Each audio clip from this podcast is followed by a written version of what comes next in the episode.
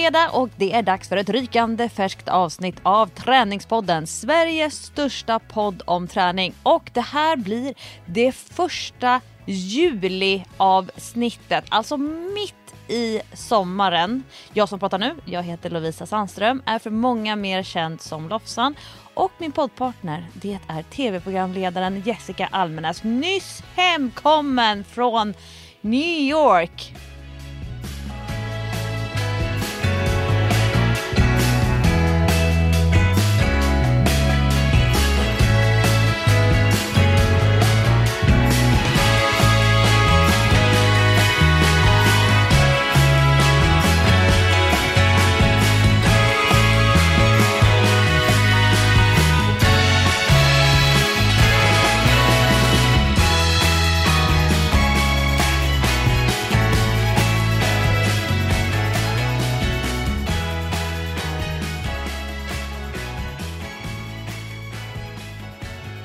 Staden som aldrig sover. Nej, och det gör inte Jessica Almenäs heller. Tyvärr. Nej, jag sover fruktansvärt dåligt. Alltså. Jag vet att det blir ju eh, ofta sådär när jag åker iväg till USA just åt det hållet. Att jag sover inte så bra. Vaknar ofta på nätterna. Ligger vaken, kan inte somna om. Så att nu när jag var där så vaknade jag fyra ungefär varje natt. Och så låg jag och rullade tummarna. Ha, när kan man gå upp då? Mm, Okej. Okay. Eh, så det var lite jobbigt, det blev inte så många timmars sömn. Så tänkte jag när jag kom hem, nu kommer jag väl kunna sova bra. Men nej då, jag vaknade fyra klockan natt igen. Så det är min nya tid uppenbarligen att gå upp fyra. Men du är lite inne på det spåret också Lovisa. Ja, men jag har, eh, har ju varit ute och rest jättemycket de senaste, vad blir det, ja men typ två veckorna. Allt ifrån att vara på landet till att vara i Lofsdalen och sen har vi hunnit vara på västkusten och nu är vi tillbaka på landet några dagar. Sen ska vi ut på Värmdö och sen till SM i Nyköping. Och nu har jag kommit på en grej. Alltså ibland känner jag mig som ett geni, som Einstein. Okej. Ja, sänkt ribba för geni det är att jag mår som allra bäst när jag sätter klockan på ringning klockan sju. Även på sommaren. Alltså jag går hela hösten, jag går hela vintern och jag går hela våren och längtar efter sovmorgon. Alltså jag går ju upp jag går inte upp, men jag har klockan på ringning halv sex på vardagar, ofta, oftast. Och sen så allt jag gör det är att längta efter sovmorgon. Och sen när typ det kommer så här, ja men så, sommarlov som i form av att inte behöva passa tider på morgonen. Då, och så har jag liksom kanske fyra, fem månader fast det blir ju inte morgnar utan det blir så förmiddagar på raken när jag sover till tio och det är inte bra för mig. Alltså jag mår, jag får, det blir, det blir inga bra flöden på dagen, det blir knasigt med måltider, det blir knasigt med min träning, det blir knasigt när jag ska sova på kvällen, vilket hinner bli Alltså det hinner bli alldeles för sent innan jag kan sova. Så att nu har jag en regel för mig själv. Nej men Lovisa, du får sätta klockan. Så nu har jag haft klockan på sju, ganska mo mor må, många månader på raken. Och det är så mycket bättre för mig. Så nu är klockan tio när du och jag spelar in podd. Har haft klockan på sju, har varit ute och morgonjoggat 30 minuter, har morgondoppat mig i havet, har varit och handlat lite grann. Jag, rabblar, jag liksom verkligen flexar upp mina fingrar här för alla saker som jag redan har hunnit göra. Och gud vad jag mår bra av det här.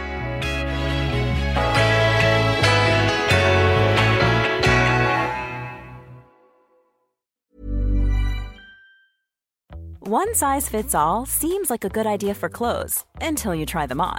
Same goes for healthcare. That's why United Healthcare offers flexible, budget friendly coverage for medical, vision, dental, and more. Learn more at uh1.com. There's never been a faster or easier way to start your weight loss journey than with PlushCare.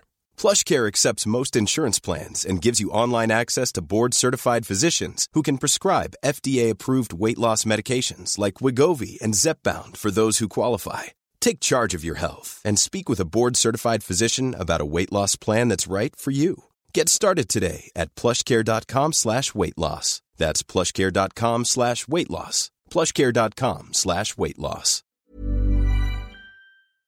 Vet inte om det är tips som funkar för alla, men det är ganska skönt att gå upp på morgonen och få igång dagen och känna att, att vara ledig, så som det sättet jag är ledig. Jag svarade på den frågan för någon, några dagar sedan. Då var det en person som frågade mig så här men Lovisa, äh, har du någon semester? Alltså hur, liksom, hur, hur funkar det för dig med så semester och ledighet? Och jag, då svarade jag att Nej, men alltså, jag jobbar ju aldrig men också hela tiden. Alltså jag, det är så är ju mitt liv.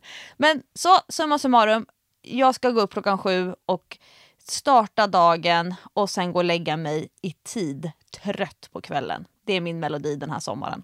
Oh, det låter ju väldigt härligt. Men, och jag skulle också göra det om jag nu bara kunde sova på nätterna. För att jag har istället paniken över att jag sover för lite. Och du vet, eh, i min ålder är det inte bra att sova för lite för då händer det någonting mitt på kroppen. Och det är inte en bebis som börjar växa på magen utan det är en, eh, en god liten tantmage som man får när man inte sover. Så att jag är så här, alltid när jag vaknar klockan fyra på natten så ligger jag så här, nej men fan nu måste jag sova, nu måste jag sova. Så här lite sömn kan jag inte ha, det här är inte bra, nu kommer jag få den här tantmagen igen. Så det är eh, det som jag brottas med just nu. Det visar ju alla, alla data som man jobbar med nu, både i hälsostudier, i prestationsinriktade studier, i eh, kroppssammansättningsstudier så visar i princip alla data och dataanalyser att sömnen är en av de allra viktigaste parametrarna för alla de delarna. För att kroppen ja. ska må bra, kunna prestera, för fettinlagring, för att bygga muskler, för koncentration, för livsglädje. Tutti! Exakt! Och det där har ju jag kommit på helt själv eftersom jag också är ett geni. Einstein! så jag har faktiskt lite panik över att jag inte kan sova. Det, alltså, det är nästan på den nivån att jag, att jag funderar på att gå och få tabletter. Jag, jag, tar ju melatonin när jag inte kan sova. Och det är ju ett ämne som finns i kroppen. Och eh, äntligen kan man köpa det i Sverige på apoteket, men det är väldigt dyrt. Eh, men det är inte receptbelagt längre i alla fall. Men jag köper alltid med mig från USA.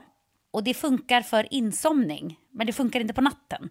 Och om jag tar den på natten för sent, då tycker jag ändå att jag blir lite seg på morgonen, fast det är liksom ett eh, kroppseget ämne, eller vad man ska säga. Så att, ja, det här är något som jag just nu eh, brottas med. Men igår, Lovisa, så var det, det var det sjukaste dygnet. Åh herregud, det var en kamp alltså på liv och död kändes det som. Det var det ju inte egentligen, men det kändes som det. Vi flög från New York vi åkte till flygplatsen kanske vid eh, ett på dagen, amerikansk tid. Eh, då är ju klockan här hemma sju på kvällen.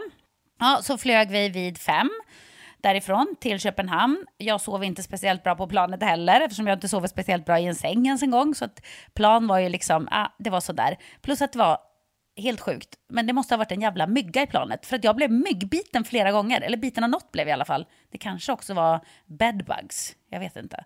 Det är inte så bra för SAS om de har bedbugs i sin business class. De, de är i blåsväder lite då och då, men nästa rubrik det kommer vara bedbugs. Bedbugs i business class på SAS. Eh, nej, men, så att jag kunde inte sova speciellt bra. Fick en timme, sa min klocka till mig, när jag vaknade då i Köpenhamn. Eh, och det är ju inte så mycket. Helt förstörd mör. När vi då landar får vi ett sms. Ert plan till Göteborg är inställt. För att eh, i Göteborg strejkade de nämligen igår på flygplatsen. Eh, och vi bara, oh, shit. Och de bara, bokar om er till klockan sex ikväll. Och problemet var att vi skulle hämta upp Sam, som har varit hos farmor och farfar en vecka, i Oskarshamn, där de har ett landställe. Och det, vi hade liksom bilen i Göteborg. Skulle ta bilen från flygplatsen i Göteborg, hämta Sanne i Oskarshamn, åka tillbaka till Göteborg för att eh, Patrik ska jobba på Partille Cup den här veckan. Så att det var ju redan en monsterdag. Men nu var det bara så här, okej, okay, nej, vi kan inte vänta till klockan halv sex på kvällen och flyga hem för att eh, eh, vi måste tillbaka till Göteborg för Patrik hade match klockan åtta på morgonen idag. Så vi bara, okej, okay, eh, gå till SAS, se till att vi får ut våra väskor, eh, åker över till Malmö, hyr en bil i Malmö, kör till Oskarshamn, alltså så trötta. Vi fick sitta typ och spela musik och sjunga högt och dricka 17 Nocco. Stanna och kissa varannan minut för att vi hade så mycket Nocco i kroppen för att hålla oss vakna. Vi var supertrötta verkligen. Kommer fram till Oskarshamn, hämtar Sam. Eh, käka lunch, vidare till Göteborg, samma visa där, sjunga Sams favoritlåtar i bilen på högsta volym, bubbel på balkongen och eh, banan, melon, kiwi och citron. Nocco, Nocco, Nocco, jag vet inte hur många Nocco jag drack igår. Och krigar till Göteborg, kommer fram någon gång på kvällen vid tio tiden typ. Och då hade vi väl varit ute och rest i ungefär 27 timmar, något sånt. Eh, och, och jag hade sovit en timme det dygnet. Så det var en riktig krigardag. Så att jag är faktiskt lite trött idag och mör, det ska jag villigt erkänna. Men vad gör man inte? Podda är ju kul. Ja, men New York, New York, New York, Jessica. Ja, ja, ja och tyvärr Lovisa, för jag vet inte om du kommer ihåg, men när vi pratade om vår sommarträning så sa ju jag, jag ser verkligen fram emot mitt allra bästa pass när jag ska springa i Central Park. Och det sjuka är att jag fick med Patrik på båten. Jag vet inte om han tyckte att jag hade varit så trevlig några dagar nu då när jag har börjat käka medicin här. Så att han, han var verkligen så ja men jag kan hänga med och springa en morgon i Central Park. Jag bara yes, fy fan vad kul. Vad händer då? Nej, men jag åker på en sommarförkylning. Nej. Så att, ja, det är så tråkigt. Ont i halsen och hosta. Eh, och då sa jag till Patrik så här, men vi, vi åker och springer ändå. Han bara, eh, nej, det gör vi inte. Du kan inte göra det när du är sjuk liksom inte få upp pulsen. Så att jag har varit och tränat lite grann i hotellgymmet, men eh, löpningen blev det tyvärr inget av. Dock har vi promenerat skitmycket, så att vi har gått kanske mellan en och en halv och två mil om dagen. För att New York är ju bästa promenadstan, verkligen. Så att det har ändå blivit lite eh, av den typen av rörelse. Men jag hade ju sett så mycket fram emot att liksom få känna mig som att jag är med i en film när jag joggar där i Central Park bland folk. Aldrig så snygg som när man joggar i Central Park. Eller hur? Det hör du ju bara. Alltså, fy fan, det vill man ju bara filma. Man bara, ring in drönarna, ni måste filma mig nu när jag springer i Central Park. Snyggare än någonsin. Nej, så det, det blev tyvärr eh, inget av med den löprundan. Men vad ska man göra? Är man sjuk så är man sjuk. Men däremot så har jag spanat lite, Lovisa, i Åh, New York. Älskar Mm. spaningar. Jättekul. För vi är ju intresserade, både du och jag, av träningstrender, vad är hett nu på andra ställen i världen och sådär. Och då kan jag berätta en sak som slog mig direkt. Eh, och det är att eh, jag vet, inte, alltså jag vet inte om alla verkligen tränar, men i New York så vill man verkligen se ut som att man är en som tränar. Alla går runt i träningskläder. Alltså folk går runt i träningskläder på gatan även när de inte tränar. Det, alltså, många ser ut som att de hela tiden är på väg till eller från gymmet. Vilket jag tyckte var väldigt fascinerande. Och det som är hett i träningsklädesväg då, eh, det är eh, korta små hotpants. Åh, gillar, Alltså, kort- jag gillar ju det. Jag har precis Ja. joggat i det nu. Ja men exakt, och du är ju jättesnygg i det. Men det är verkligen det som alla har på sig. Korta små hotpants, ofta svarta. De flesta har svarta små korta hotpants. Till det så har man en kort tight topp, har de allra flesta. Så det är inga stora t-shirts i det här eller du vet långa linnen. Nej, det ska vara en kort svart typ bh-topp, fast lite, lite mer topp än bh om du fattar vad jag menar. Crop top. Ja, exakt. Det går alla runt i. Alltså verkligen. Sen såg man på några ställen lite långa tights också, men det var mest de här korta, eh, korta små hotpantsen. Och killarna då, de går runt i sina gymshorts och t-shirt, men inte så att det är så här, du vet i Sverige kan man se folk som bara går runt i det på stan, alltså för att det är deras det var det jag tog på mig i morse typ. Men här gör man det för att man ska se ut som att man tränar. Så det ser inte ut som att, åh det här är min eh, lite töntiga stil, utan det är verkligen så här, jag, jag har den här coola stilen för att jag är liksom en träningsperson. Så det ska man gärna skryta med i New York nu, upptäckte jag. Sen är det också väldigt många som går runt med eh, en liten eh, yogamatta eller en pilatesmatta under armen. Och de antar jag kanske har varit då på väg till en studio eller har varit på en studio och tränat. Och det såg man faktiskt väldigt mycket av. Din nya favoritträning, Pilates Studios. They are everywhere on Manhattan. Väldigt mycket Pilates-studios. Eh, det man också ser är väldigt mycket boxningsklubbar. Ja, de är tillbaka alltså. Ja, de är tillbaka. Men det är, De är inte, tillbaka. det är inte de här svettiga, gamla, eh, läderluktande gonggong-anläggningarna kanske? Är det glamboxning? glamboxning men också det där som du beskriver fast på ett ironiskt sätt. Förstår du? Att det kändes som att det var väldigt trendigt att ha en retroboxklubb. Som, som verkligen ser lite så här ruffig ut fast ändå är superfräsch och eh, trendig givetvis antar jag. Eftersom det, det området som vi bodde i, det, där nere vid Soho, NoHo, Tribeca och allt vad det är, är ju ganska trendigt. Liksom. Det är ju trendiga, medvetna människor som bor där. Så att det såg man väldigt mycket av. Men också eh, en hel del Peloton, eller vad det heter. Pel, du vet de här cyklarna. Mr Big dog ju på en Sex, sån jag tänkte i... säga Sex in the City-cykeln. Aktien Exakt. störtdök. Ja men precis, den är känd som cykeln som Mr Big dog på tyvärr. Men, men sådana klubbar ser man också på flera ställen. Jag såg några sådana här cycle bars. Så jag kom in på, på baren och ta ett spontant pass, lite så var känslan på skyltarna. Vilket eh, var ganska coolt, men jag gillar ju inte att cykla som du vet. Eh, jag såg också en hel del Barry's, finns det där i New York. Eh, och jag såg faktiskt inte så väldigt många löpare på stan. Det gjorde jag inte. Inte? Nej, det kan man ju se i många städer. Och jag gillar ju själv att, att stadsspringa. Eh, men det såg jag faktiskt inte. Jag vet inte, de kanske håller till i Central Park allihopa. Men ute på stan så var det faktiskt inte så mycket löpare. Sen såg jag en helt sjuk grej. Jag vet inte om du har sett det här. Det finns någon slags träningsform där man typ klättrar upp för en stege som aldrig tar slut. Jacobs ladder tror jag den heter. Ja, Jakob Stege fanns det ett tv-program som hette när jag var liten. Det, jag såg faktiskt, eh, jag följer, det här är lite tips. Jag, föl, jag följer och följer, jag vet inte hur det började med att jag fick upp det men antagligen så har jag väl varit för länge på Facebook med vyn framför en annons. Och då har Facebook tänkt så här, oh det här är hon intresserad av, vilket de hade rätt i. Och nu får jag hela tiden upp eh, auktionsförsäljning av konkursbon där gym går i konkurs. Aha, okej. Och då kan det vara allt ifrån typ Tipsa min käll- syrra. Hon Ja, nej, gud. på sig grejer. Alltså herregud vad man kan köpa på sig grejer och det kostar typ ingenting. Ehm, och det kan vara allt ifrån ett litet källargym i Alingsås till en riktig lyxstudio på Östermalm som har gått i konkurs. Och så kan det vara eh, ett finansieringsbolag som säljer liksom, å, som konkurs eh, för att helt enkelt gymmet har lisat grejerna och sen så har, har de gått i konkurs under lisningsperioden eller så är det konkursförvaltaren som har fixat ordning. Och då går de runt och fotar verkligen det, det kan se lite märkligt ut att kaffekopparna kan stå kvar. Eh, de går runt och fotar liksom i gymmet där allting är. Eh, typ att eh, det senaste passet, det sista passet som kördes på gymmet står fortfarande kv- kvar på whiteboardtavlan när de fotar whiteboardtavlan som också är till salu.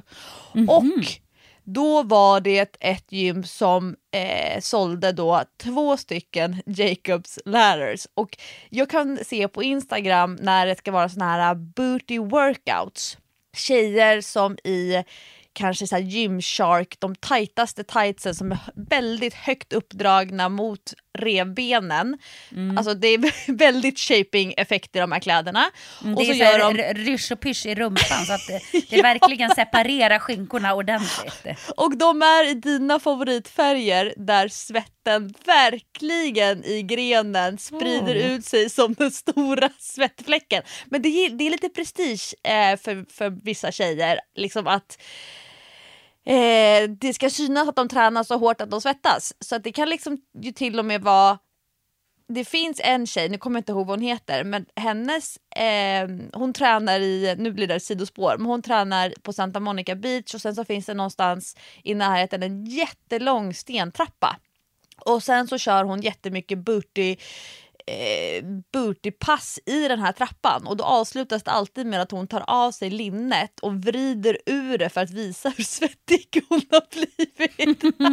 det är lite sensuell ton över det här. Men det jag skulle komma till de här tjejerna de kan ju köra allt ifrån crosstrainer till trappmaskin med miniband runt knäna. De gör så här utfallsgång i eh, trappmaskinerna, de använder löpbandet för att köra sidosteg med miniband. Alltså väldigt mycket rumppump. Och många av de tjejerna älskar Jacobs ladder eller Jakobs stege som ju då alltså är, som jag har förstått det, en evighetsstege. Ja, det ser ju fruktansvärt tråkigt ut. Att jag kollade in i, i något sånt där gymfönster och jag bara what the F-U-C-K. Det var det enda de hade på, på ett av de där gymmen. Det var bara några sådana där stegar. Så det var ju tydligen specialiserat på, på um, Jakobs stege helt enkelt. Det Väldigt, känns ju eh, lite ofunktionellt. Alltså, det känns ju som... Det, det är inte jättemånga människor som har nytta av att långsamt klättra upp för en stege Fot, fot, hand, hand. Fot, fot, hand, hand.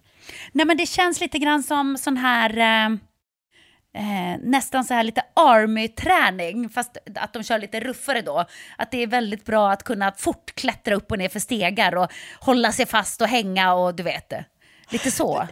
Det finns ju någon sån här uh, rep eh, klättrarmaskin på vissa gym där underdelen av maskinen är som ett latsdrag där du sitter på en sits och sen så spänner du fast eh, låren med en sån här dyna med en sprint så du så låser fast. Och sen så är det ett rep som hänger ner. Och så hänger den och går i en lång ögla över ett motstånd. Och sen så ställer du in hur mycket motstånd du vill ha med vikt, någon sån här viktinställning. Och sen sitter du i den här maskinen och kör evighets repklättring bara med biceps. Bara liksom mata ner repet, mata ner repet, mata ner repet. Och samtidigt så åker repet tillbaka bakom och kommer tillbaka till dig själv. Alltså det, det är kul med sådana här trender men jag vet inte hur länge mitt intresse skulle kunna hållas uppe för så enformiga saker. Men jag har noterat en annan grej också i USA. Det är jäkligt kul att trendspana faktiskt tycker jag.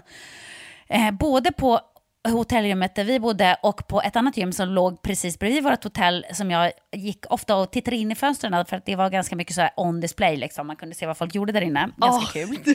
det är ganska osvenskt. Ganska osvenskt, men man älskar ju det. Man älskar att stå och titta på när folk tränar helt enkelt. Och då har jag noterat att eh, när folk går på löpandet nu, eller springer, Oftast så ser jag att de går faktiskt och de går med väldigt hög lutning. Och kommer du ihåg att vi pratade om det där passet på löpandet som har blivit så här viralt på TikTok? Just det, det var tre siffror. Ja, och jag kommer inte ihåg exakt ljud. Det var siffran på lutningen på bandet, vilken fart du skulle ha och hur länge du skulle gå. Jag tror att man ska gå i 30 minuter. Just det. Ja, och det känns som det där är något som många pysslar med. För att många går med väldigt, väldigt hög eh, lutning på bandet. Eh, både killar och tjejer. Det verkar vara väldigt trendigt. Och en annan sak som förvånar mig som var lite trendig. Att många män som jag såg på mitt hotellrum som var amerikaner, de kör jättemycket rörlighet. Är det sant? Ja, det tyckte jag var fascinerande de körde ju typ samma övningar som jag gjorde när jag kör min rehab. Alltså mina nackövningar, det är ju bara rörlighet i princip. Eh, bröstryggsövningar. Jag gjorde min sån här monkey stretch, du vet när man sitter på huk och sträcker upp eh, armen så långt man kan åt ena hållet och så, så långt man kan åt andra hållet, andra armen då. Oh, den är Det är jättebra, ja men det är bra för massa grejer, men bröstryggen eh, behöver jag göra den för, för det stretchar upp den. Och då kom det fram en sån här amerikansk man till mig och bara Oh, that's the world's best stretch, it's so good! Jag bara yeah, it's really good man. Så han satt typ och gjorde samma stretch som jag gjorde. Det var väldigt fascinerande att eh, männen var så inne på de här prehabövningarna och rörlighetsövningarna. Det tyckte jag var kul att se. Och en till grej då, Lovisa. Så vi tror ju då i Sverige, och även när man är så här nere i Marbella och um, hänger, att eh, paddel är the shit. Eller hur? Det har i alla fall varit det. Men just... Dina kompisar åker på paddelsemester till Spanien. Ja, du ser. Men nu ska jag berätta vad som är the shit i USA, som verkligen boomade under 2022. Och det är något som heter pickleball. Så oh. I USA spelar jo, man pickleball, är, man spelar inte Vad är det för någonting? Pickleball är, alltså det är ju något liknande, men det känns som att det känns som att det är lite, inte lika mycket tennisaktigt om man säger. Det, det känns som bollen är annorlunda och racketarna är annorlunda. De är inte lika hårda på något sätt. Det är liksom mer alltså det är ju nätracket som tennis, men de är liksom, ja, svårt att förklara. Det, det, ser lite annorlunda ut när de spelar helt enkelt, men det är ju en liknande sport. Det är det ju definitivt. Men, och då läste jag en artikel i, i um, jag vet inte om det var New York Times, det var någon tidning som låg på hotellet i alla fall, om just pickleball. Eh, och då stod det liksom Ah, ingen har missat, pickleball trendar över hela världen, från San Francisco till USA, bla bla bla. Och man bara, eh, okej, okay. så här hemma så går vi runt och tror att det är paddel som är grejen. Men nej, nej, nej, i resten av världen är det uppenbarligen pickleball som är den stora grejen. Men jag, jag kommer inte ihåg var det var jag såg det, men jag såg för några månader sedan eh, fyra personer som spelade pickleball och jag kan ju inte hålla mig så jag hade inte sett det i verkligheten förut så jag travar ju fram till de här pensionärerna och så frågar ursäkta mig, vad är det ni spelar för någonting? Ja, ah, nej men det är pickleball. Jaha, okej, okay. så tänkte jag så här, ja, jag kan inte låtsas att jag är helt loss. Jag hade liksom, vågade inte ställa några följdfrågor. Eh, men nu, nu den, kom, den släppte jag sen, så, men nu googlar jag. Okej, okay, eh, lyssna här nu då. Så här står ja. det. Pickleball är en sport som kombinerar tennis, badminton och bordtennis. Två eller fyra spelare använder racketar av trä eller kompostmaterial för att slå en perforerad plastboll över nätet. Planens mått och utformning är tagna från badminton och reglerna liknar tennis. Det låter helt annorlunda när eh, de träffar bollen. Ja, och man har ju inga väggar heller. Det är ju också en skillnad såklart. Du använder ju inte väggen där. Så att eh, det är ju en annan sport, men det är ju liksom i samma låda kan man säga. Och det här är också helt sjukt. De har i New York så har de såna här aktivitetsboxar typ runt om i stan. Eh, som en liten eh, lekplats för vuxna, typ en träningsyta eh, där man kan göra lite grejer. Det finns basketkorgar, lite allt möjligt. På flera ställen så såg jag folk som spelade spökboll. I de där boxarna. Och både Patrik och jag blev så för, förvånade. Vi bara, eh, vad gör de? De spelar spökboll. Älskar spökboll. Gud, Älskar spökboll.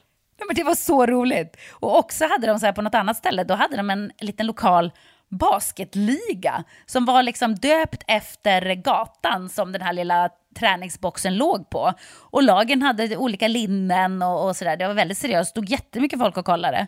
Så det var också kul att se lite så här spontan idrott eh, som uppstår där i de här små boxarna då, att man liksom tar det man har även i storstan på något sätt. Om man nu inte orkar ta sig till Central Park som är givetvis fantastiskt för alla typer av idrottande. Men, eh, men det var ganska kul att se.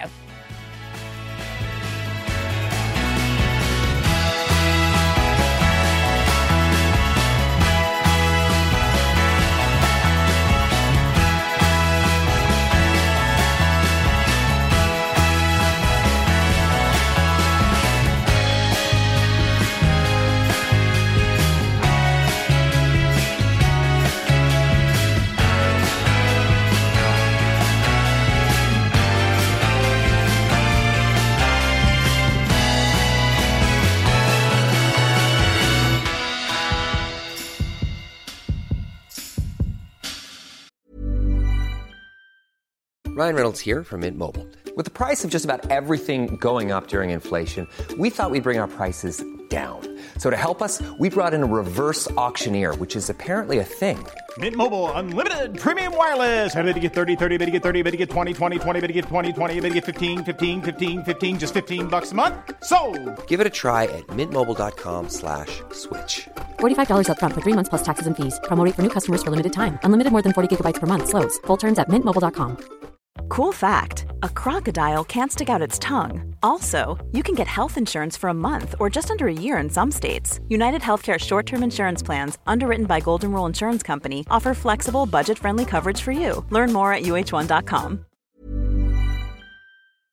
Vi är även denna vecka sponsrade av Rusta och det passar perfekt för det är ju full vår ute nu. Man kan vara ute utan att ha dunjackor och tio lager kläder, det gillar man. Äntligen, äntligen! Varje vår tycker i alla fall jag att det känns som att det är ett helt nytt liv som börjar. Jag kan sitta ute, jag tycker om att känna solen värmer ansiktet. Och för mig är det liksom, det, det är ett njut. Älskar att vara ute. Och Rusta, Det är vårens bästa vän för de har allt för det här nya livet, utomhuslivet. Ja, precis. Vi har ju tidigare berättat att Rusta har ett brett sortiment av i princip allt som du behöver till din uteplats. Och jag har eh, snackat mig varm om solcellsbelysning. Det tycker jag är kanon. Du var inne på ljusslingor och krukor, Lovisa. Men oavsett vad man behöver så får man mycket för pengarna hos Rusta när man ska förvandla och förnya sin uteplats. Hur är det hos dig Jessica? Har du några favoriter när du ska piffa upp er utomhusmiljö? Ja, men det har jag faktiskt. Jag gillar att det känns lite loungeigt. Så jag brukar ju satsa på att köpa någon ny utomhusmatta. För att de är väldigt prisvärda hos Rusta. Så det tycker jag är en stor favorit. Ska jag säga vad jag är sugen på? Berätta. Jag tycker ju att det är bra att ha kuddar som man inte behöver ta in. Det står absolut på min lista för den här våren. Ja. Ja. Det ska vara lätt att ta sig ut. Kuddarna ska bara ligga där, redo att ta emot den. Ja, man älskar sånt som man inte behöver plocka ut och in. Och då säger nog jag att grejer till utegymmet, alltså vi pratar hantlar, kettlebells, foam roller, sådana saker är också för mig vår, att vara ute, det är låg tröskel till att träna och så kan man liksom ta in och ta ut. Och Rusta har riktigt bra hemmaträningsgrejer. Och jag tänker så här, ja, men man sitter och hänger där i sina kuddar och så kan man träna. Och så kan man hänga och träna. För alla våra lyssnare så är ju träning en viktig del av utomhusmiljön, det vet jag. Vi uppmuntrar och uppmanar våra lyssnare att njuta av utomhuslivet och kolla gärna in Rusta när ni vill uppgradera er utemiljö. Kolla in rusta.com, men framförallt besök ett Rusta varuhus och få inspiration till ditt nya uteliv. Vi säger tack till Rusta! Stort.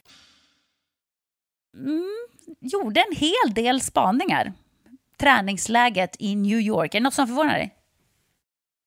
Eh, ja, no, jag har väl sett, jag brukar titta på de här uh, kändis paparazzi-bilderna Ja. från USA.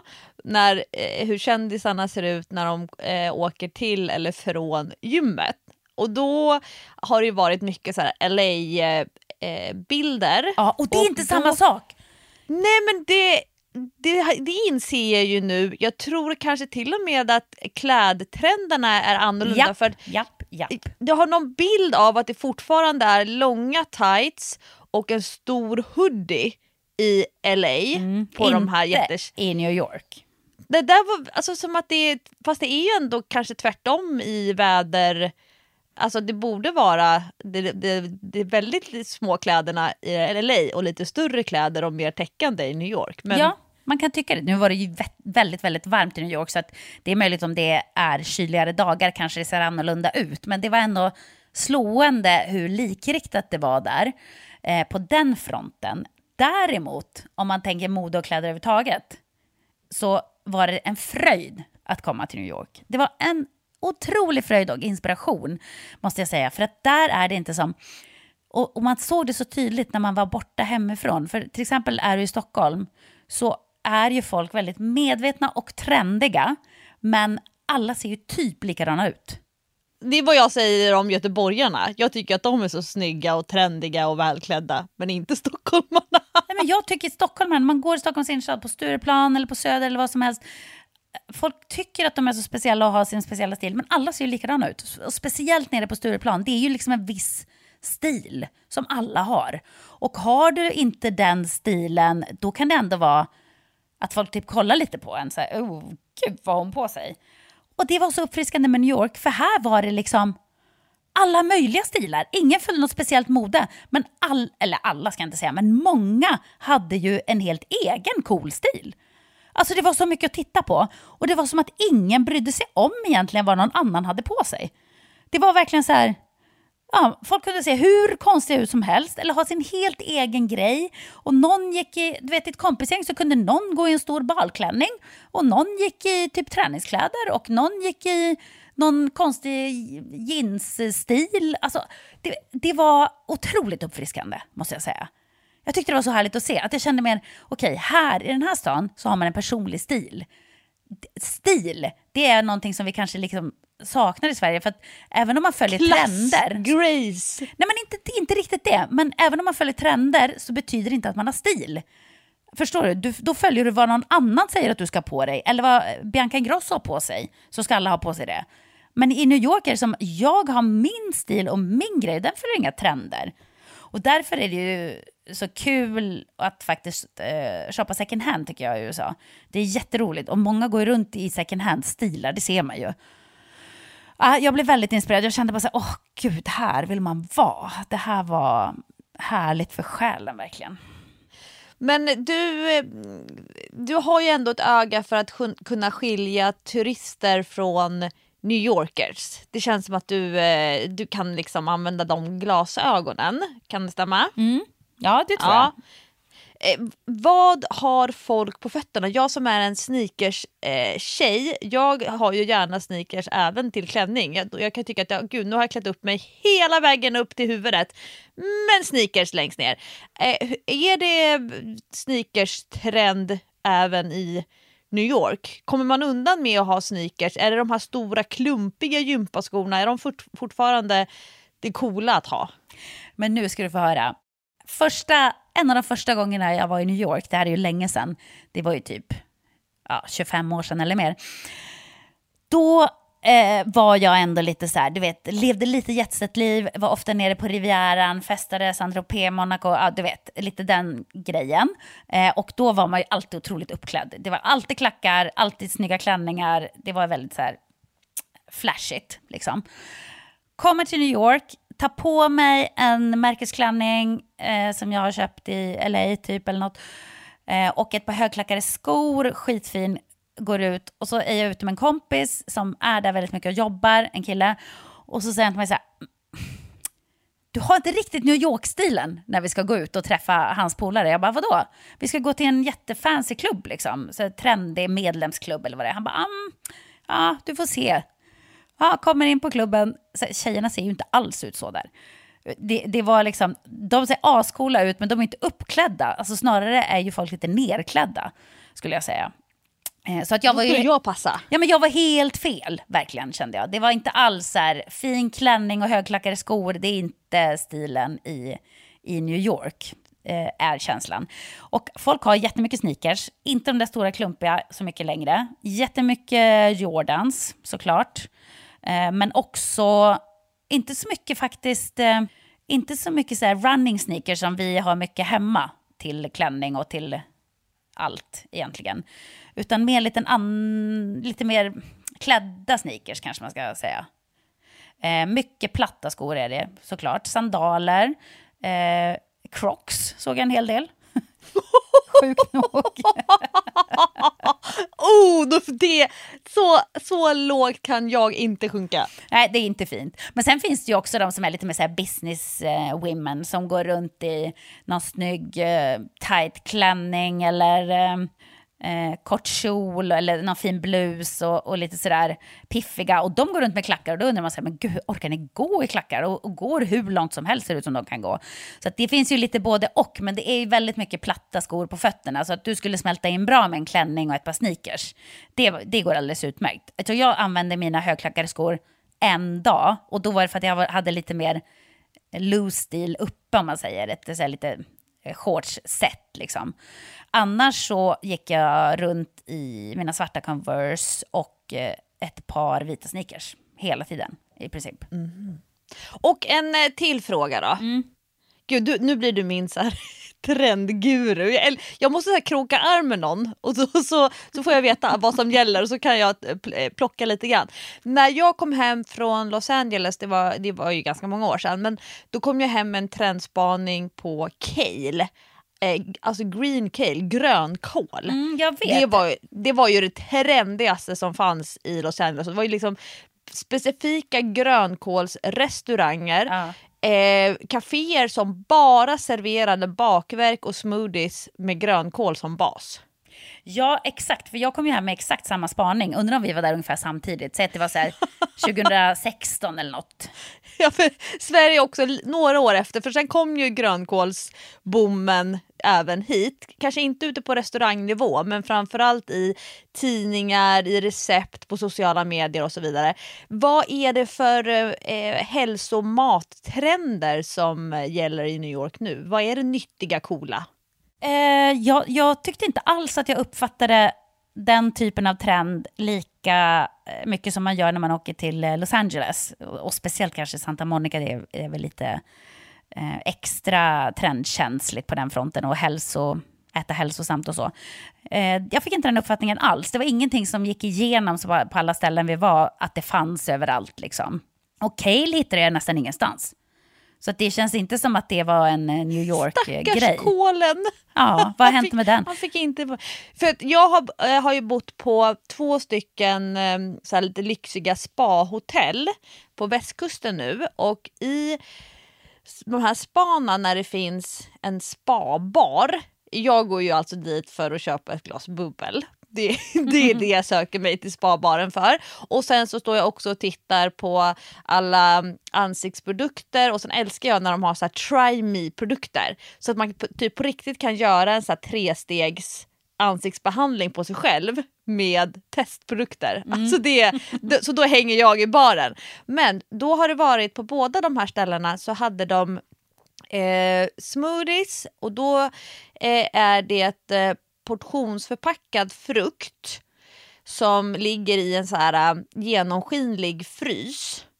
Och så finns det så här en, en äh, röda påsar och sen lite mer gula påsar. Mm -hmm. Och sen har de en smoothie blender och eh, för först så trodde jag Eh, jag vet inte vad jag trodde, men jag trodde typ att det var så glass till barnen. Alltså jag är typ lite, lite off på det där. Men då, så jag frågade, nej men det är eh, eh fruktbasen till smoothiesen. Jaha, häller ni mjölk i eh, med dem sen?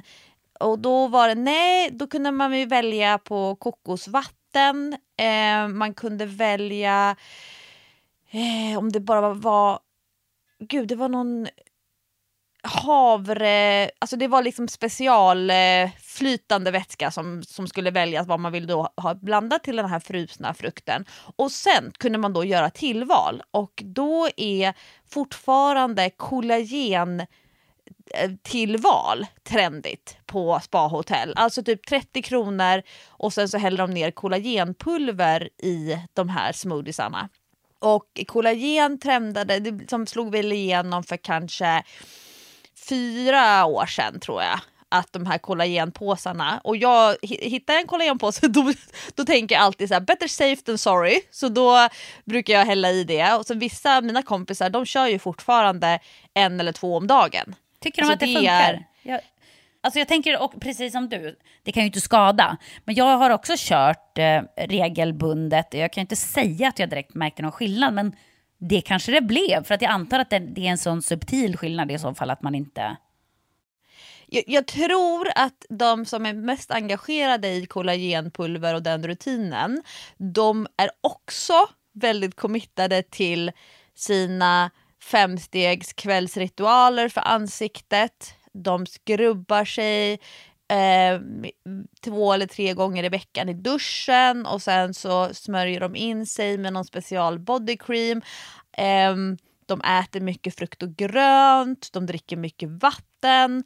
Alltså jag tror att de är medvetna om huden på flera plan. Eh, kanske inte att man tar så här Nivea ansiktskrämen och bara blaffar över för att man känner sig lite fnasig och torr. eh, men jag fick i eh, sommarlovspresent av en PT-klient så fick jag två produkter. Det ena var en, en body scrub och det andra var en body cream. Och då är det det här som i Sverige nu har blivit trendigt fast vi har, har ju inte kunnat embracea stora USA-konceptet eh, på grund av svenska lagar och regler. Men det är ju det här med, heter det CBD? Mm, det. Alltså det här hampa, jag höll på att säga Mariana, men, men de här, um, ja, jag tror att det heter CBD. Ja, det, det heter det. det. det. heter Gör det det? Mm.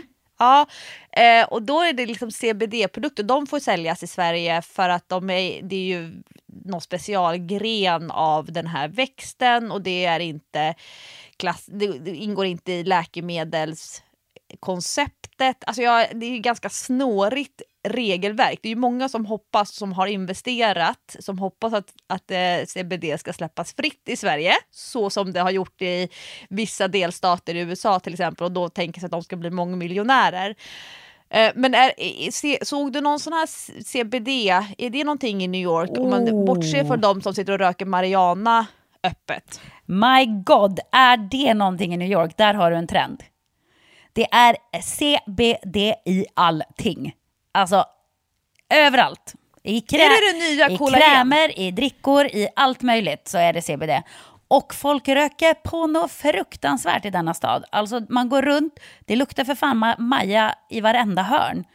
Det är så... Som i San Francisco eh, som det har varit länge. Eh, Ja, kanske. Jag har inte varit i San Francisco på länge, men eh, det, det är väldigt mycket... Det röks väldigt mycket Maja och väldigt eh, öppet också. För det är väl lagligt i New York antar jag. Det måste det ju vara, annars skulle inte... Jo, det är Det det, ju. väl det är det ju såklart. Jo, det för det finns butiker nu. man kan gå in och köpa på, alltså, på gatan. Liksom. Men jag testade, för jag har inte provat det där CBD alls innan, men eh, nu testade jag en sån här... Eh, det, finns, det fanns olika bubbelvatten kan man säga, med smak som man skulle dricka för att komma ner i varv på kvällen. Som då innehöll CBD. Du bara catching! Ja, ja, jag bara, det här måste jag ju testa när jag är här. Det här är ju Tio flaskor. skitkul. Nej, men jag drack en ganska snabbt och det funkade bra. Somnade och det var inga problem. Och så vet jag inte om det här är inbildning, men på morgonen så känner jag bara så här, åh gud vad jag känner mig weird alltså. Och så skulle vi gå och träna på morgonen och jag bara kände "Ah, fy fan, hjärtklappning, mådde illa. Det var bara, Eh, nej, vet du vad Patrik, jag håller på att svimma, jag måste gå ner och lägga mig. Så jag har ingen aning om det var det. Och det kanske också samverkade med min medicin på något konstigt sätt. Att man inte skulle ta liksom både CBD och eh, medicinen som jag äter nu då. Det kan ha varit något sånt. Och det kan också bara ha varit att jag bara mådde konstigt en dag. Vem vet? Men nu fick jag ju för mig bara att nej, det måste ha varit den där CBD-drickan som jag drack. Men man måste ju testa när man är där. Jag tycker sånt här är så jäkla spännande och roligt. Men, men så CBD det har liksom blivit ett koncept på många livsmedel och produkter och så vidare. Ja, ja, ja. Inom alla möjliga olika branscher. Det såg man faktiskt skitmycket. Så det var bra att du frågade om det, för den trenden hade jag glömt. Men det var verkligen eh, överallt. Intressant. Mm. Det, var, det var väldigt härligt. Det var, jag måste säga att jag blev mycket, mycket inspirerad. Eh, både fysiskt och mentalt och själsligt.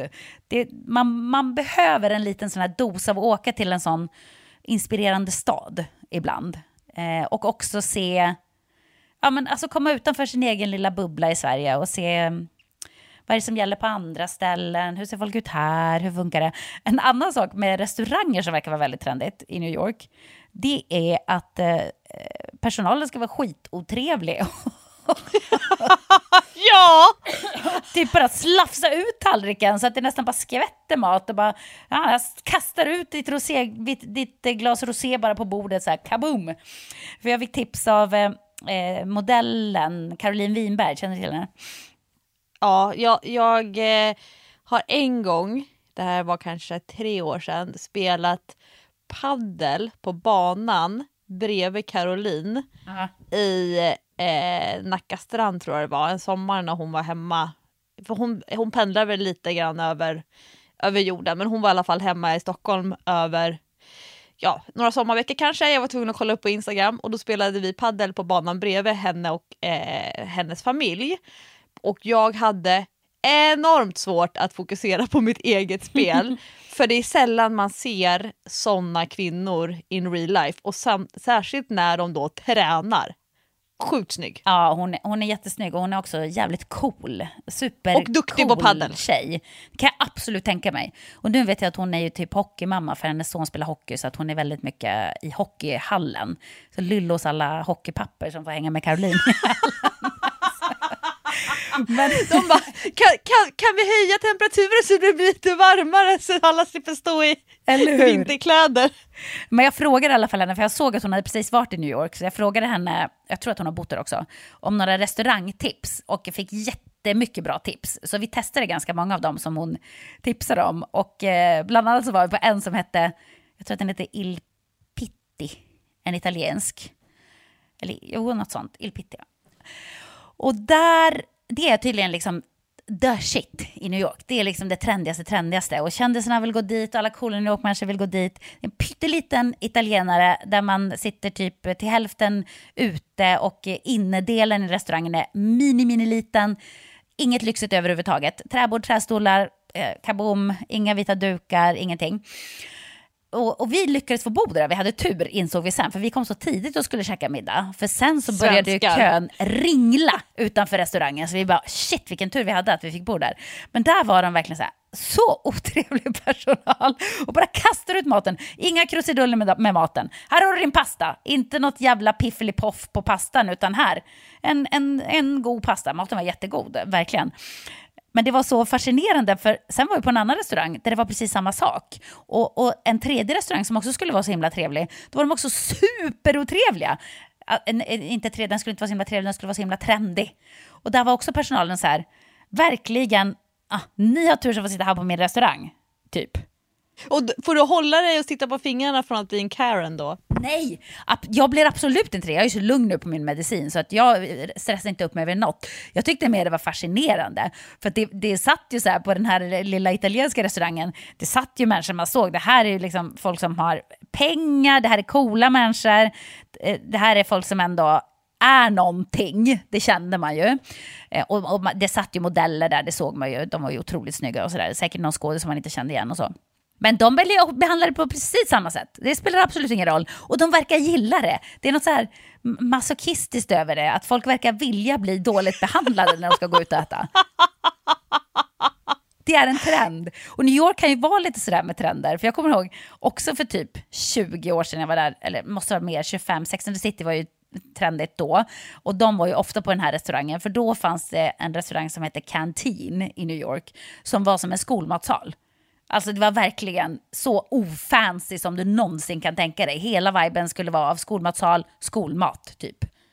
Och, och det var det trendigaste, trendigaste. Så att det- är ju en fascinerande grej med, med New York. För om du själv går ut på en svindyr restaurang i Sverige, då förväntar du ju dig att bli bra behandlad. Eller hur? Men Ja, nej, nej, nej. Inte i New York. Där be, be, behandlar de en som skit, men de ska ha 25% i dricks. Man bara okej. I, I Sverige så skulle inte en sån restaurang klara sig tror jag. Nej, jag tror inte heller det. För att vi går ju inte igång på den typen av sak liksom. Vi, nej, men det var spännande. Så det var, det var mycket trendspaning. Och du har ju eh, absolut inte varit i stadsmiljö, för nu måste vi prata lite om dig också Lovisa. Kan du berätta lite grann om vad du har upplevt i fjällen?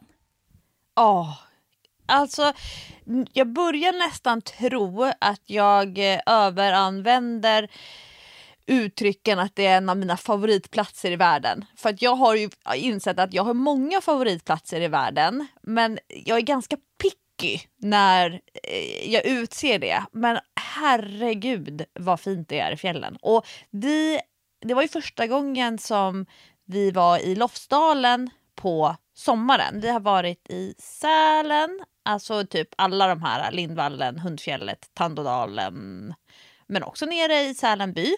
Och sen har vi varit eh, mycket i Åre på sommaren.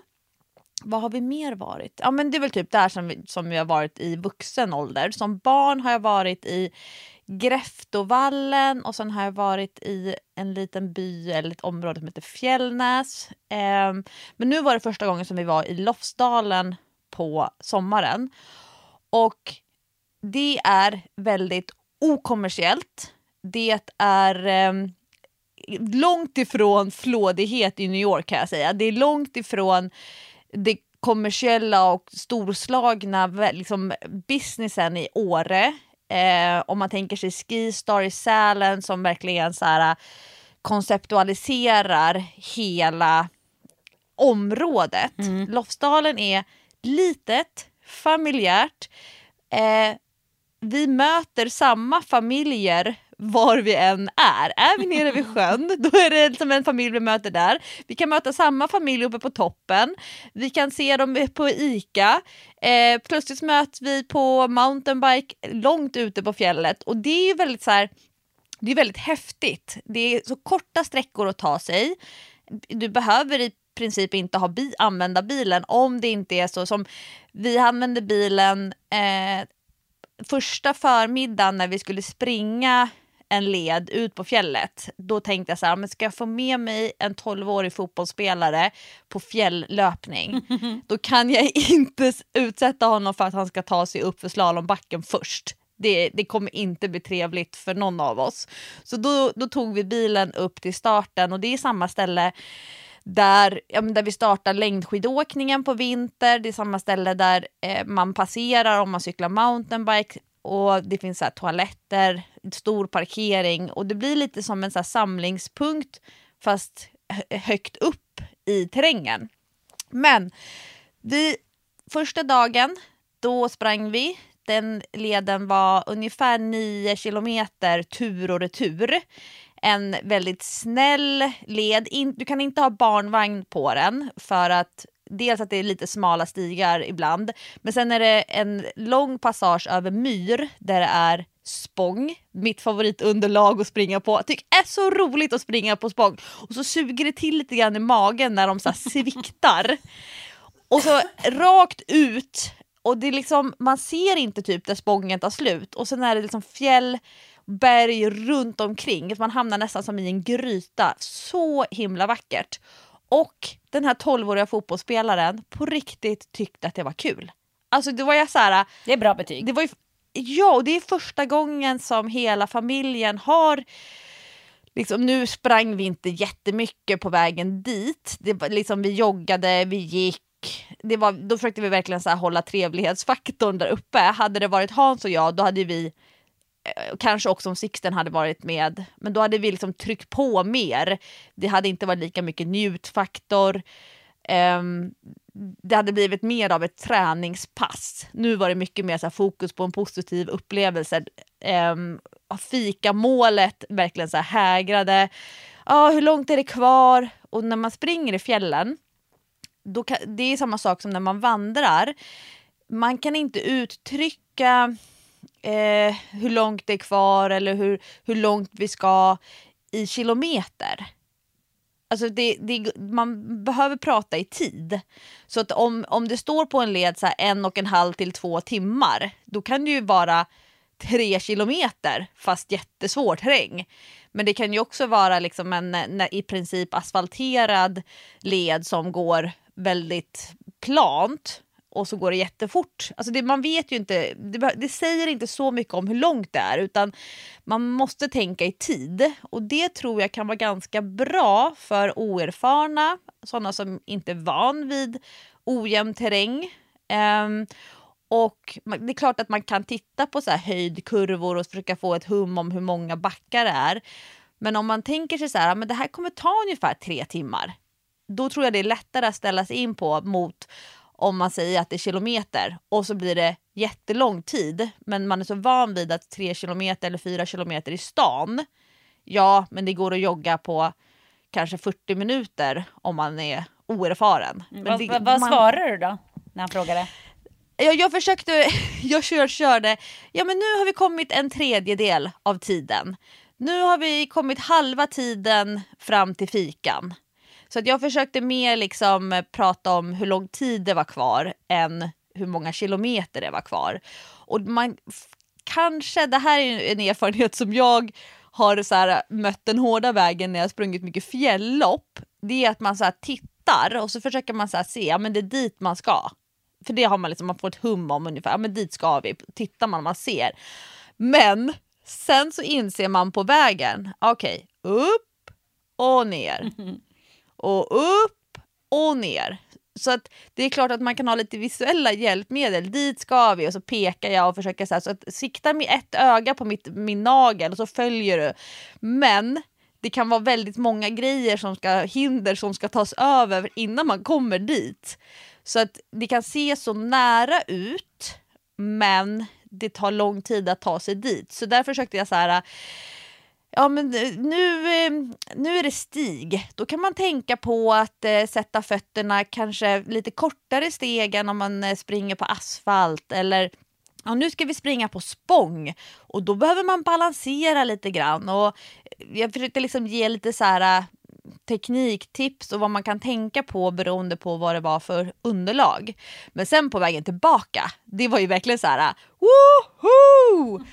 Springa snabbt och man har sett, eh, man vet exakt vad som kommer, man kommer ihåg så här, ja men när spången tar slut, då hade vi först sprungit stig innan och så gå i alla uppförsbackar, så då tog det ju liksom det kanske tog tre fjärdedels tid att ta sig dit och sen fika och sen vända tillbaka. Då var det liksom blev det 25 procent av den totala tiden. Och det kan också vara en häftig upplevelse mot att springa till en badplats hemma och bada och sen springa hem och så vet man att det är equals. Det blir ganska jobbigt eh, att veta att nu ska jag behöva göra det här likadant igen och det kommer vara lika jobbigt. Nu blir det mycket lättare eftersom man får nedförsbacke när man springer på den här typen av fjällled. Så det var en jättetrevlig upplevelse och jag fick inte med mig honom, fotbollsspelaren, på mer löpning. Men det känns som att det, det räckte med ett, en, ett sånt event och jag sa också rakt ut, det här kanske kommer som ett så här föräldrahack I don't know. Det kanske är så att jag är Einstein och kommer på värsta, värsta grejen här nu. Men jag sa Fast jag, kan, jag ljög nog lite grann för att jag tycker att det är väldigt roligt att cykla downhill också. Men det är inte min favoritaktivitet när jag är i fjällen. Men då sa jag att eh, jag vill springa på fjällled. Du vill cykla downhill. Du springer med mig och jag cyklar med dig. Mm, bra tips. För att liksom visa på att man gör alla aktiviteter när man är i fjällen. Vissa gillar man mer än andra. Det är okej, okay. man måste inte gilla allt. Men man gör också saker för att vara schysst mot andra, för att de är schyssta och hänger med. För det är mycket roligare att cykla downhill när man är flera stycken. Att kunna prata om upplevelsen när man kommer ner till liften, att diskutera vilken led ska vi köra nästa åk att, att liksom barn och ungdomar förstår att man får ge och ta. Ja. Sen kanske inte alla är mottagliga, inte ens vuxna är mottagliga för det. Men jag tycker ju att man ska eh, embracea hela konceptet. Man behöver inte gilla allt eller älska allt. Mm, det är bra. Det är bra att du i alla fall försöker. Det där funkar ju inte alltid kanske med barn, men... men jag försökte i alla fall. Eh, och sen hade vi en dag med downhill, vilket ju är jätteläskigt.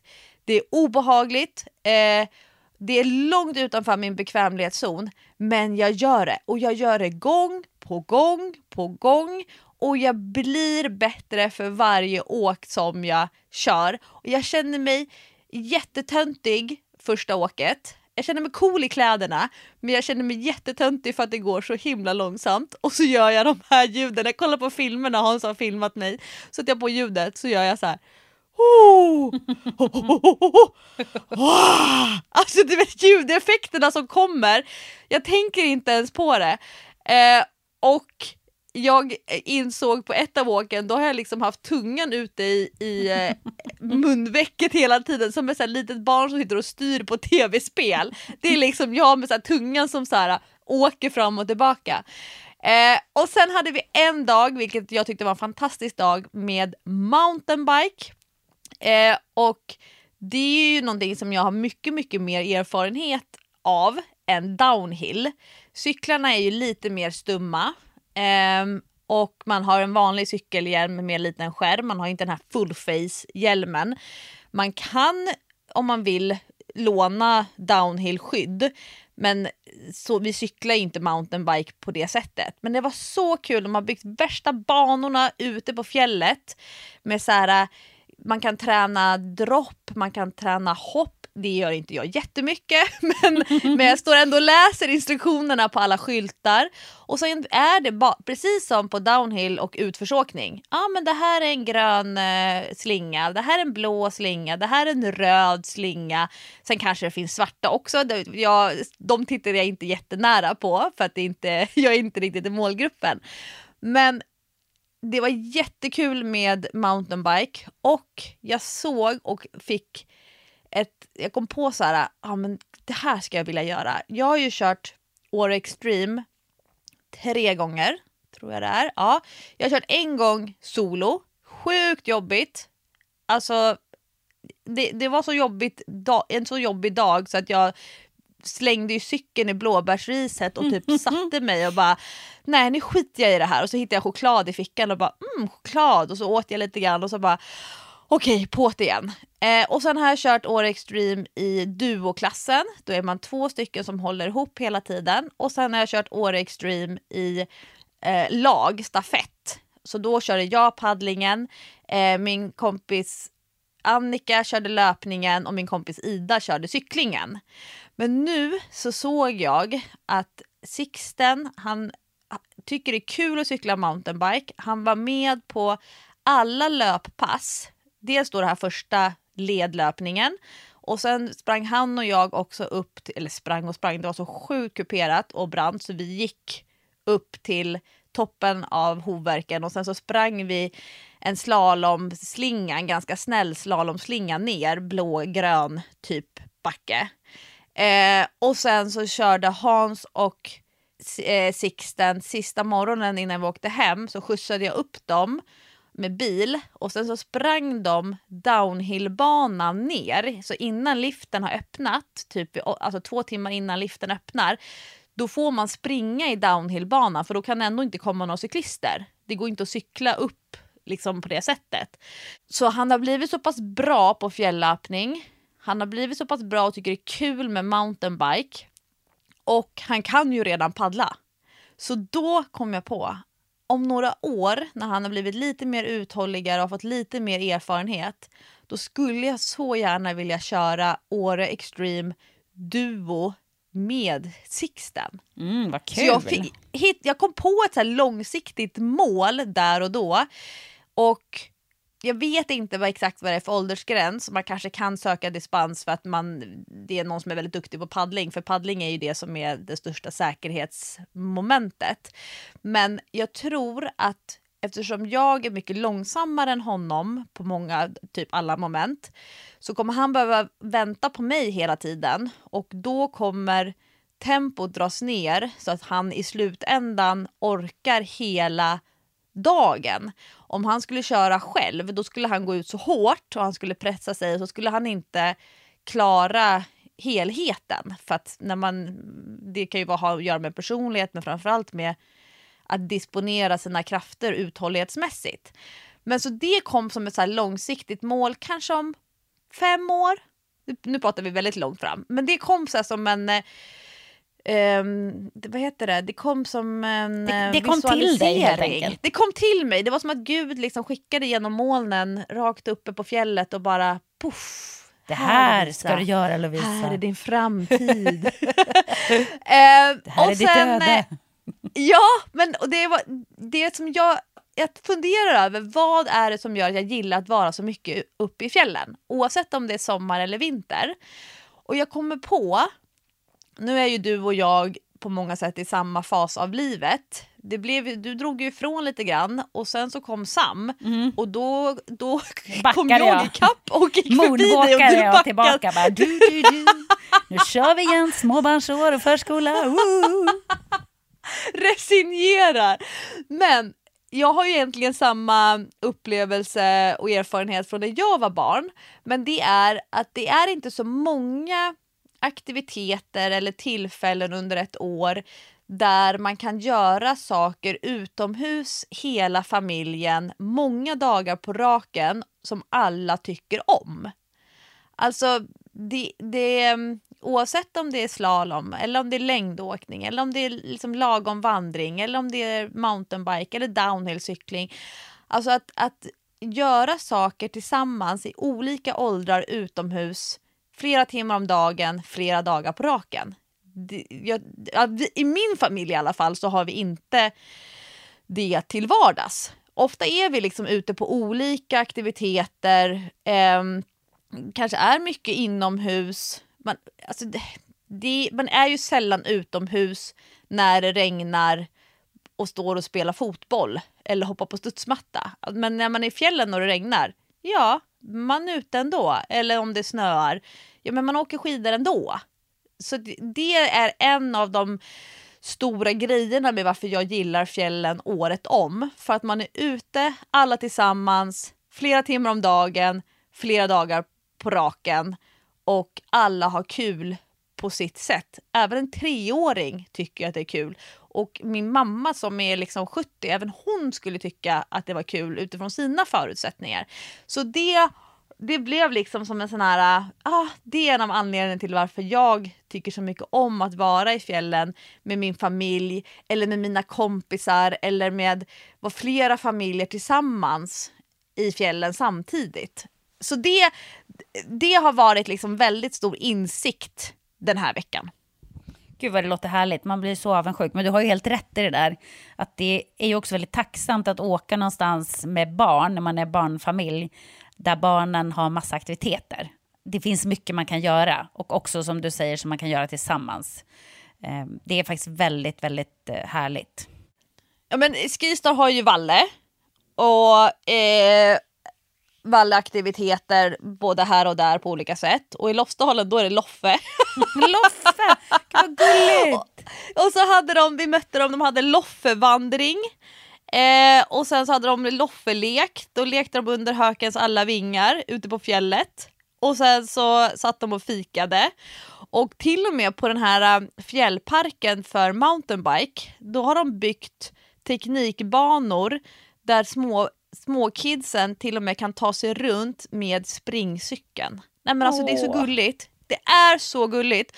Och papporna de kör ju sina så aggressiva röda och svarta leder och småkidsen springer på springcykeln runt, runt, runt. En mamma kanske har någon liten bebis som sover i en vagn och så är det en hund.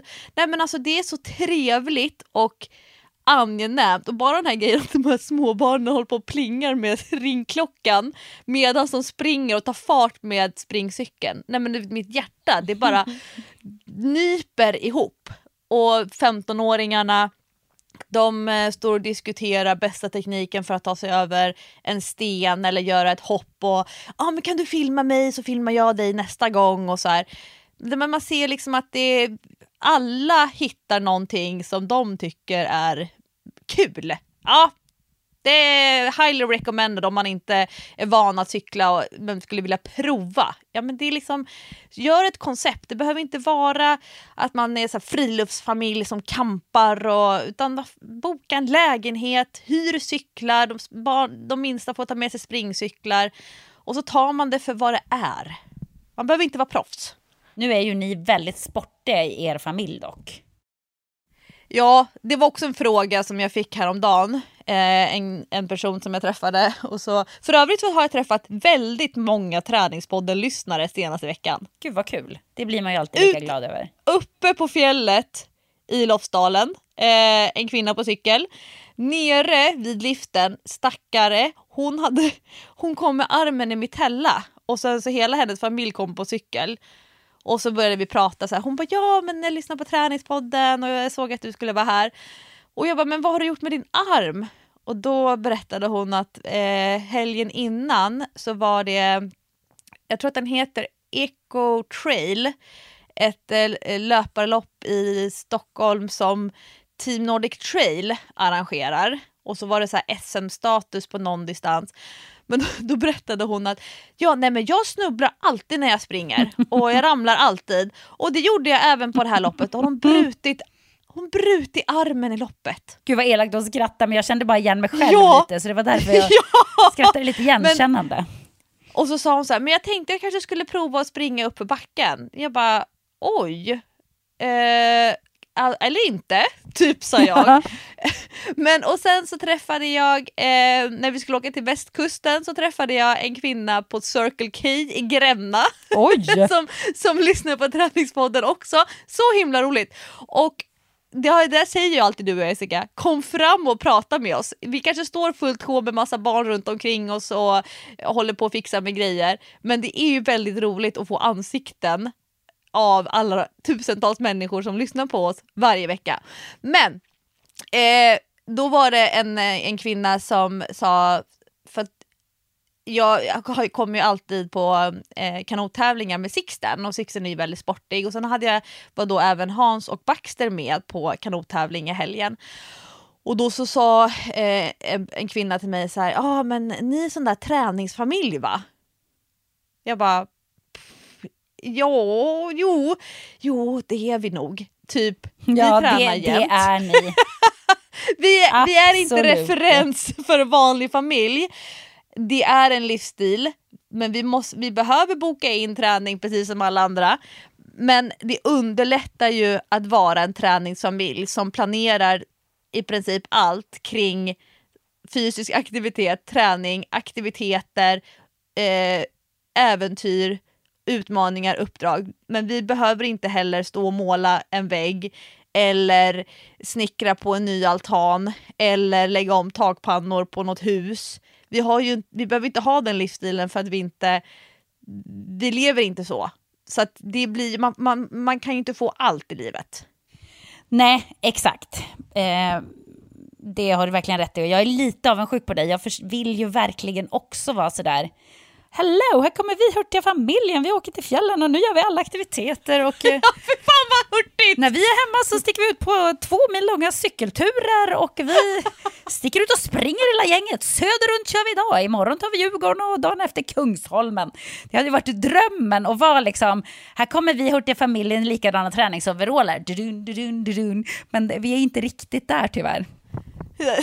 Nej, och alltså ibland så kan jag tänka så här, gud vad folk måste tycka att vi är jobbiga, eller framförallt jag då som är så himla hurtig. Är, eh, men, jag, men då visar vi också bara den delen. Det är klart att det finns många andra delar som inte är lika avundsvärda eller eftersträvansvärda för andra familjer om man säger så. Vet, vet, du vad folk kanske tror om dig Lovisa? De kanske tror att du är typ en Fritzl som har din familj i ett skarpt grepp, kanske nere i källaren eller något i vanliga fall. Och enda gången de får komma ut är om de följer med på aktiviteter. De är gisslan. Alltså Hans har ju faktiskt, det är nästan så att han har tagit fram en tumstock och så kan han säga Lovisa, nu är du på gränsen. och så här, men han säger ju att han vill, han säger att han vill. Han bara, han är gisslan. Han är gisslan, exakt. Han vill göra dig glad Lovisa. Jag Okej, så måste jag backa. Alltså, och då backar jag och backar och backar. Och sen så tar jag ett stort hopp framåt igen och eh, börjar tvinga. Men eh, ja, Ja. Jag, ja jag, ibland får jag bita mig i läppen, jag fattar det. Eh, jag, jag, ibland är jag på gränsen, I know. Om, om 20 år sitter eh, både dina barn och Hans i en tv-soffa och pratar om sitt tuffa liv som gisslan under Lovisas träningsregim. Nej då. Ja, men, men jag, å andra sidan, det jag tror är som anledningen till att de inte kommer behöva lägga hundratals timmar i terapi, det är nog att jag är väldigt upplevelsefokuserad. Alltså det är klart att jag kan trycka ibland på prestation, eh, men jag tycker nog att eh, jag fokuserar allra mest i min kommunikation på upplevelsen. Men, det kommer ett stort men. Jag är också ganska villkora, jag villkorar grejer. Om... Men Det är det jag Ja, men- säger, du har en gisslan. Men jag, men jag säger också, om vi ska skjutsa till alla de här fruktansvärt många fotbollsträningarna, eh, lägga pengar på trängselskatt, eh, köpa alla de här brandade föreningskläderna, betala avgifter till alla de här eh, eh, fotbollsskolorna och det är extra träningar och det är kupper. Alltså kupperna kostar så mycket pengar. Och vi skjutsar och hämtar och lämnar och vi liksom planerar hela kalendern utifrån att barnen ska kunna vara med på alla aktiviteter som de vill vara med på och som kompisarna ska vara med på. Då ställer vi också krav att det liksom krävs en eh, motprestation. Alltså sköta skolan, göra sina läxor, göra sin styrketräning och sin löpträning som inte är schemalagd för laget till exempel. Alltså att man kan inte bara plocka um, godbitarna och göra det som bara är kul och är coolt och eh, prestige. Utan man måste nog då göra sakerna runt omkring eftersom vi vuxna anstränger oss så mycket för att det ska gå ihop med det som är ja, konceptet. Liksom. Så att det, det är lite, jag är lite hård på det sättet. Jag har inga problem med att skräddarsy mitt liv utifrån barnens aktiviteter men då måste också det runt omkring funka. Man får inte gå på träning om man har varit hemma från skolan för att man har haft ont i halsen till exempel. Nej, jag, ba- jag bara skojar. Jag tror dina barn kommer ha gott av det här, men Nej, jag, jag We'll tror att ibland... Ja, verkligen. Verkligen. Jag tror att det kommer bli en sån här anti-reaktion. du menar att de inte vill göra någonting sen? Ja, absolut. Och så kommer de skaffa egna barn så de kommer säga så här. Min mamma pressade mig så hårt när jag var barn så jag kommer aldrig ställa ett enda krav på er. Och, och, eh, Ni behöver alltså, inte ha några aktiviteter. Nej, nej, nej, nej, nej. Det är fritt med skärmtid. Varsågoda. Vill du gå till skolan i pyjamas? Det är bara att göra det. Jag var tvungen att ha riktiga kläder på mig när jag gick till skolan. Nej, det får, vi- får väl se. Jag tror att eh, man lever bara en gång. Det, då, då vill jag leva på ett visst sätt. Så får vi se om mina barn vill ha det livet sen. I don't think so. Åh gud vad roligt. Du, vet du vad som också är lite kul? Förra veckan då var vi så här bara, ja men vi kör lite sommaravsnitt nu så de kommer vara lite kortare här ett tag. Idag, klipp till idag. Ja, vi trycker in en 1.20 avsnitt här igen. Ja, men jag saknar ju dig när du är borta. Jag måste, jag vi har måste så mycket prata av mig. om. Det händer ju också så mycket på sommaren så att man har ju väldigt mycket att, att surra om faktiskt. Det är kul. Där det inte bara är den vanliga lunken. Nej, och nu får vi se hur våran eh, eh, sommarkalender går ihop för din aktiva familj och min aktiva familj. Och därmed eh, var jag kommer befi- befinna mig. Jag ska ju tävla nästa vecka på SM.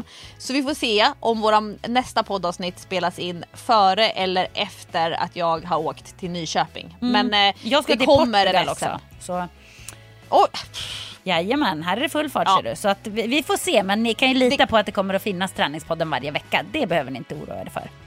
vi kan inte garantera innehållet dock för du ska ju också få med dig passet Jessica. Ja, exakt. Det är såna grejer ja.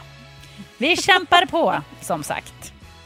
Stort tack för att ni lyssnar på träningspodden hela sommaren. Vi hörs nästa vecka igen. Det gör vi definitivt. Puss och kram!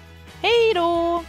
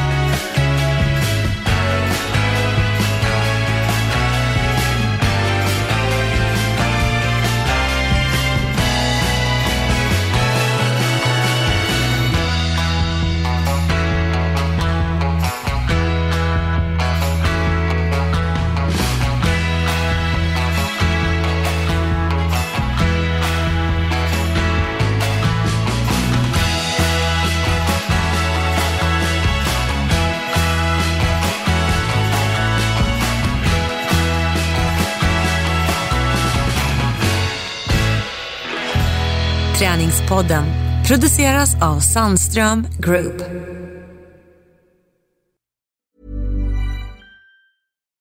Deserves the best, and there's no better place to shop for Mother's Day than Whole Foods Market. They're your destination for unbeatable savings, from premium gifts to show-stopping flowers and irresistible desserts. Start by saving 33% with Prime on all body care and candles. Then get a 15-stem bunch of tulips for just $9.99 each with Prime. Round out Mom's menu with festive rosé, irresistible berry chantilly cake, and more special treats. Come celebrate Mother's Day at Whole Foods Market.